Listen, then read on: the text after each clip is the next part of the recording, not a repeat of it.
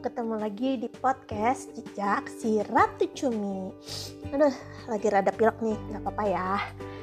Jadi aku di sini mau ngelanjutin cerita dari perkenalan. Kenapa sih dari sekian banyak cerita aku milih tentang cerita perjalanan? Sebenarnya jawabannya tuh simple karena aku suka banget jalan-jalan. Aku tuh punya ambisi untuk bisa keliling Indonesia, lalu kemudian keliling dunia perjalanan itu tuh menurut aku tuh penuh makna bukan hanya untuk mengumbar di sosial media tapi dari setiap perjalanan itu pasti ada cerita yang bermakna, pasti ada pengalaman dan pelajaran baru yang bisa menjadi bekal hidup yang nggak akan pernah kita lupa. Nah, semakin kita sering jalan-jalan, menurutku tuh akan semakin penuh wawasan yang kita punya. Dari setiap perjalanan, uh, bisa juga dijadikan sebagai sarana kontemplasi agar menjadi pribadi yang lebih baik lagi. Cie. Jadi gini, dari kecil tuh aku suka jalan-jalan sama keluarga, tapi nggak ngambil makna.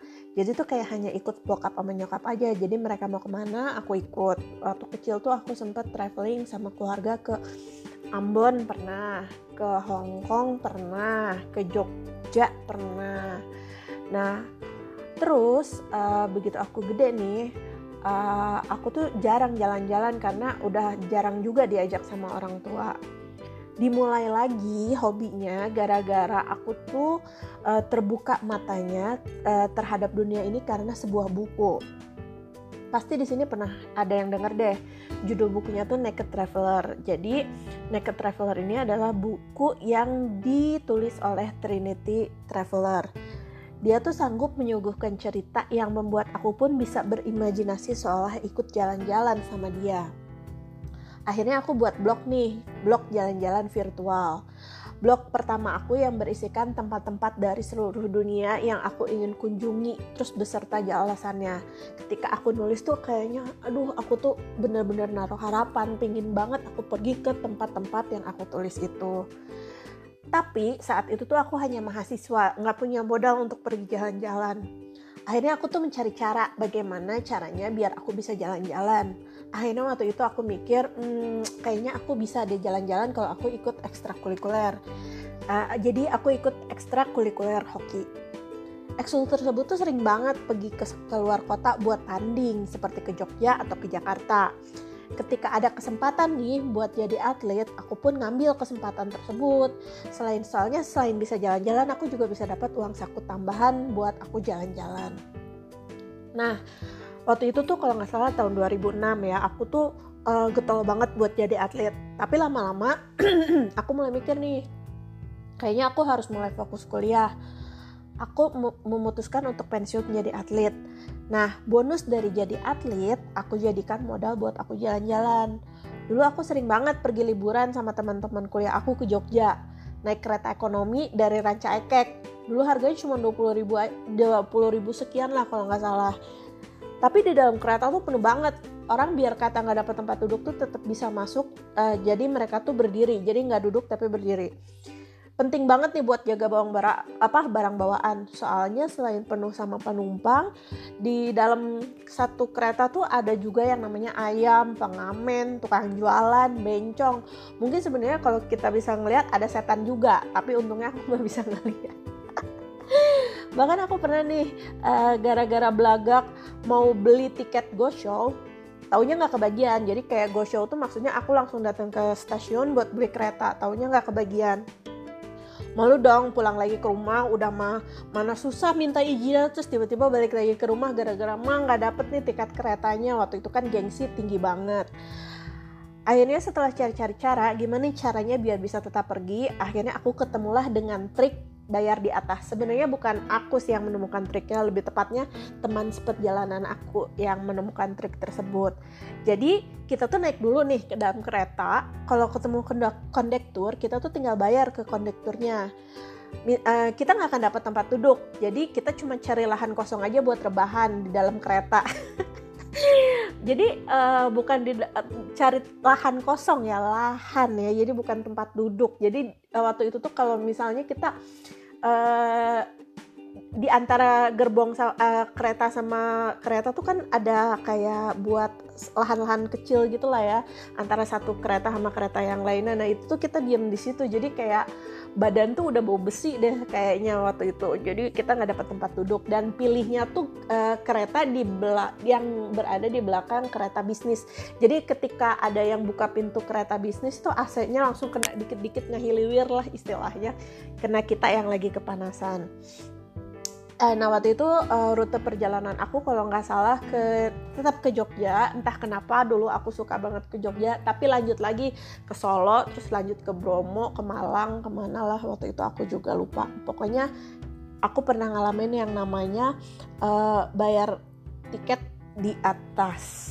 Nah begitu bonus jadi atlet udah nipis nih aku kan udah gak punya duit lagi dong buat jalan-jalan. Aku cari cara lagi biar dapat uang uh, buat jalan-jalan tuh gimana selain nabung dari uang bulanan aku. Kenapa nggak minta ke orang tua aja? Mana boleh? Biar dikata mampu nih mama aku tuh nggak pernah mau ngebodalin buat yang namanya foya-foya. Jadi pokoknya kalau mau foya-foya harus modal sendiri. Akhirnya aku tuh cari cara. Aku bekerja menjadi wiraniaga Waktu itu di salah satu distro di Bandung yang mengangkat tema budaya Sunda, namanya tuh Mahanagari. Kayaknya sekarang udah nggak ada deh. Aku tuh kerja paruh waktu di sana sambil ngisi waktu luang karena aku tuh sebenarnya di kuliah cuman tinggal ngerjain skripsi aja. Jadi daripada kebanyakan bengong, lebih baik aku kayak kerja aja gitu. Uh, kenapa gak jadi atlet lagi aja soalnya waktu itu aku kan udah fokus banget ngerjain skripsi terus kayak gak mau fokus aku tuh kepecah karena uh, takut-takutnya nih aku tuh uh, lama lulusnya karena aku tuh pingin banget cepet lulus entah kenapa waktu itu. Nah kalau misalnya aku punya uang lebih nih, aku tuh biasanya pergi ke pulau-pulau gitu. Soalnya kalau biasa, per, uh, soalnya biaya pergi ke pulau-pulau itu tuh lebih mahal. Karena uh, trans pertama transportasinya untuk pulau-pulau kan kita berarti kayak harus bayar beberapa macam transportasi ya apalagi yang uh, belum lagi transportasi itu kan baru transportasi di darat. Jadi belum uh, transportasi di lautnya nih kayak bayar kita harus bayar sewa kapal. Nah bayar sewa kapal tuh eh, nggak uh, murah. Jadi kadang-kadang harus nyari dulu banyak temen. Ketika ada banyak yang mau ikutan tripnya baru jalan kita. Biar uh, biaya bayar sewa kapalnya tuh nggak mahal Nah waktu itu tuh aku sempet ke Pulau Biawak di Indramayu, Pulau Pramuka di Kepulauan Seribu, sama ke Pulau Sabesi di sekitaran Krakatau. Nah itu kalau misalnya uh, ke pulau-pulau. Nah setelah itu pas udah mulai rada bosen nih ke pulau-pulau, akhirnya aku pernah nih cobain lagi buat jalan-jalan naik gunung. Nah, di sinilah semuanya dimulai. Jadi inget kan tadi cerita aku yang pergi nah bayar kereta di atas. Nah, itu kan salah satu destinasi yang aku kunjungin itu adalah aku ke Bromo. Nah, di Bromo itu tuh aku naik gunung. Eh naik gunung Bromo lah, mm, nggak gunung sih itu kayak bukit soalnya kita kayak cuma naik tangga. Di situ pas di puncak Bromonya, aku tuh ngeliat uh, ada puncak Semeru dan itu tuh kelihatan banget. Terus kayak ada asap jenggring selokanya di atas yang buff gitu kan. Kalau di Semeru tuh si uh, jenggring selokanya tuh suka muncul beberapa menit sekali. Aku ngeliat di situ aku kayak terpukau gitu. Wah kayaknya aku mau deh naik gunung. Aku pingin banget uh, jalan-jalan naik gunung.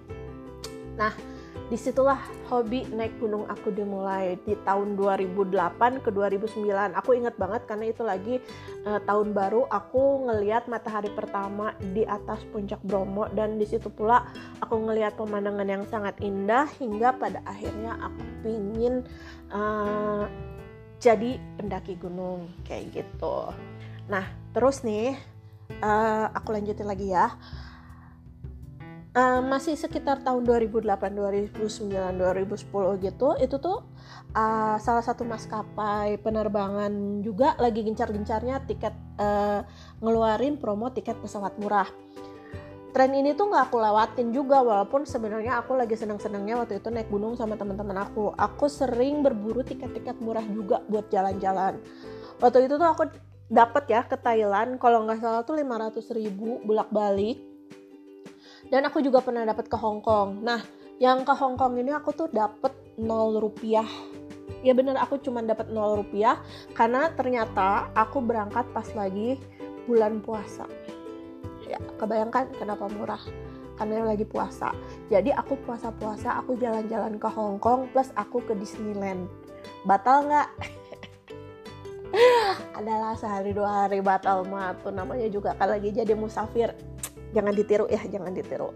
Terus sama yang tadi juga uh, aku naik di at apa ya bayar kereta di atas juga sebenarnya itu nggak boleh sih gitu. Cuman ya namanya juga pengalaman ya nggak sih Bo? Tapi sekarang tuh kayaknya udah nggak bisa juga sih kita bayar di atas karena sebenarnya sistem kalau kita mau naik kereta api tuh sekarang jauh lebih rapih. Jadi kayak lebih tertib nggak mungkin deh kita udah bisa bayar di atas lagi tuh udah nggak mungkin lagi nah balik lagi nih uh, ke Hong Kong dapat 0 rupiah. Waktu itu bener-bener 0 rupiah ya. Tapi berangkatnya dari Medan juga. Jadi aku harus kayak ngemodal ke Medan. Tapi itu juga nggak mahal gitu. Jadi aku ke Medan dulu dari Medan baru ke Hong Kong dan 0 rupiah. Dan aman sentosa aku juga pernah sih gratisan ke Malaysia tapi bukan gara-gara tiket murah tapi karena waktu itu tuh aku bareng sama uh, balik lagi ya jadi walaupun aku udah selesai jadi atlet aku tuh tetap aktif di uh, ekstrakurikuler aku. Jadi aku tuh uh, dulu namanya unit hoki Unpad. Jadi aku tetap aktif di situ. Aku main hoki atas nama universitas. Nah waktu itu tuh uh, unit hoki Unpad tuh jadi perwakilan Indonesia buat tanding di Penang Malaysia. Biarpun kalah ya namanya juga baru keluar kandang terus kita lawannya juga orang-orang dari luar negeri yang powernya lebih uh, kenceng skillnya juga lebih oke okay, gitu. Uh, tapi di situ tuh aku dapat kayak banyak banget pengalaman pergi mewakili Indonesia buat tanding di uh, luar negeri gitu. Nah dipikir tuh seru seru banget ya masa muda aku ya gitu uh, perjuangin apa yang aku mau dengan usaha aku sendiri. Nyari cara gimana caranya sih biar aku bisa jalan-jalan murah bisa jalan-jalan gratis bisa jalan-jalan bermanfaat. Aku juga selalu yakin sih Tuhan kasih otak buat kita tuh uh, supaya kita tuh cerdik.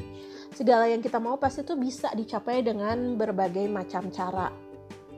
Nah salah satu alasan kenapa aku pindah dari pertanian uh, ke jurusan pertanian ke komunikasi karena aku tuh ngincer banget pengen jadi jurnalis. Karena di bayangan aku jurnalis itu udah pasti kita bakal uh, mob mobile ya. Jadi kita bakal pergi ke berbagai macam tempat.